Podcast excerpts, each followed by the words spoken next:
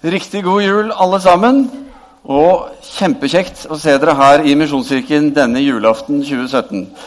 Mitt navn er altså Frode Øvergaard. Jeg jobber her som eh, pastor og skal få lov å ha en liten andakt for dere nå. I dag så har jeg lyst til å fortelle dere at Jesus er den største og viktigste julegaven som finnes. Men for at dere skal forstå det, så skal jeg snakke om et hull i bakken. Nemlig. For det er sånn at mange syns det er vanskelig å forstå hvorfor Jesus er den største, og hvordan dette kan være at det er sånn. Særlig når det finnes f.eks. iPad da, eller PlayStation eller smarttelefoner eller så mye, mye, mye, mye, mye, mye mer som vi kan få. Men nettopp derfor så skal vi snakke om et hull i bakken i dag. For hva er egentlig et hull i bakken? Skal dere høre, For noen år siden så reiste min søster sammen med mannen og hennes to døtre de reiste til Amerika på ferie. Og Da opplevde de masse forskjellige kjekke ting. Og En dag så kom pappaen og så sa han til jentene sine at i dag skal vi se på et hull i bakken. Og, og så må vi kjøre tre og en halv time for å se det hullet. Og Hun yngste, som heter Kari, hun skulle i hvert fall ikke kjøre bil den dagen. Skulle i hvert fall ikke. Og ikke hadde lyst til å se noe teit hull heller. Det var bare å glemme. Jeg mener, altså Åssen ser et lite hull i bakken ut? Altså, wow, hvor spennende er det? Men de måtte. Kan du se for deg? Nå skal vi kjøre 3 12 timer for å se et hull i bakken. Etter en lang biltur, 3 12 timer, hvor Kari hadde vært sur hun hadde vært sint og hun hadde kjefta og vært skikkelig sånn som vi kan være av og til når vi ikke liker åssen det er. Sånn var hun hele veien. Og når de kom frem, så var hun like sur. Ikke sant? Og de parkerte bilen. Og når Kari kikka ut av bilen, så kunne ikke hun se noe hull. Og skulle i hvert fall ikke ut av den bilen. Så mammaen og pappaen de måtte virkelig overtale henne til å komme ut av bilen. Fordi De måtte nemlig gå gjennom et lite skogholt for å komme til dette hullet. Og det var jo bare for å toppe hele fornærmelsen for Kari. da, vet du. Og så kom de da til dette teite, lille hullet. Hullet det heter Grand Canyon og er veldig, veldig stort. Stavanger er 71 kvadratkilometer stort ca. Grand Canyon er 4926 kvadratkilometer stort. Det er altså ca. 70 ganger større enn Stavanger. Så stort er det hullet vi snakker om i dag. Det er større enn halve Rogaland, faktisk. Og når Kari sto ved dette hullet og kikka utover, så visste hun ikke helt hva hun skulle si. Hun ble helt målløs. Og når ordene kom, så var det så flott, så digert. Og hvorfor sa dere ikke at dette hullet var så stort og så flott? Men vi prøvde jo på det, sa mamma og pappa. ikke sant? Vi hadde prøvd å si det, men poenget var at Kari ville jo egentlig ikke høre. Hun ville egentlig ikke finne ut om dette hullet. Hun tenkte det bare var kjedelig, hadde ikke lyst til å kjøre bil og alt det der. Og der. Og Kari hun måtte se det for å forstå hva dette hullet egentlig var. Så når jeg sier at Jesus er den største og viktigste julegaven som finnes, så er det nok mange som tenker at det er ikke så lett å forestille seg det.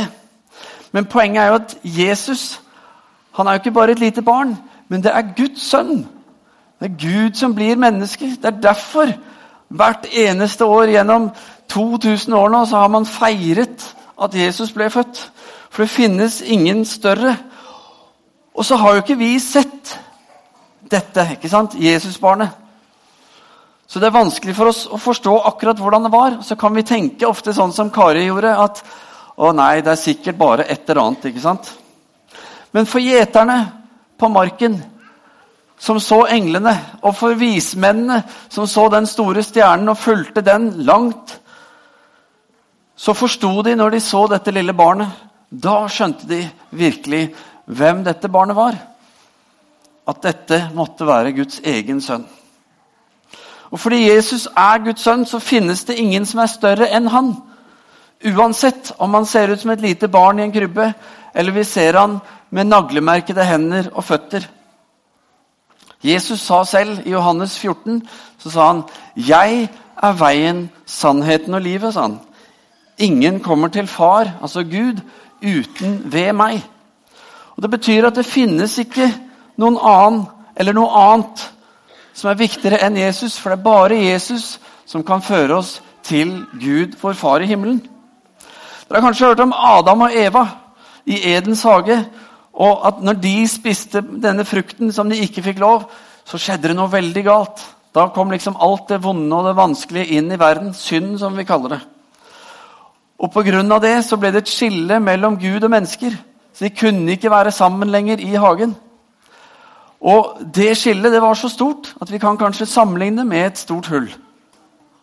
Enda større enn Grand Canyon igjen. For det gikk ikke an å gå rundt. Og det gikk ikke an å krabbe gjennom eller over. Så stort var det. Men Jesus han kom for å lage en vei tilbake. En vei fra oss mennesker og til Gud. Og Derfor sier Jesus i Johannes 3, 16, som mange kan For så høyt har Gud elsket verden at han ga sin sønn, den enbårne, for at hver den som tror på han, ikke skal gå fortapt, men ha evig liv. Jesus kommer og han er den største og viktigste gaven fordi han vil at vi alle skal få lov å se at vi er elsket uendelig høyt av Gud, vår far. Og at når vi blir kjent med Jesus, så får vi også komme tilbake til Gud og leve sammen med han, som Gud tenkte opprinnelig. Og det kan bare Jesus vise oss. Og derfor er Jesus den største og den viktigste julegaven som finnes.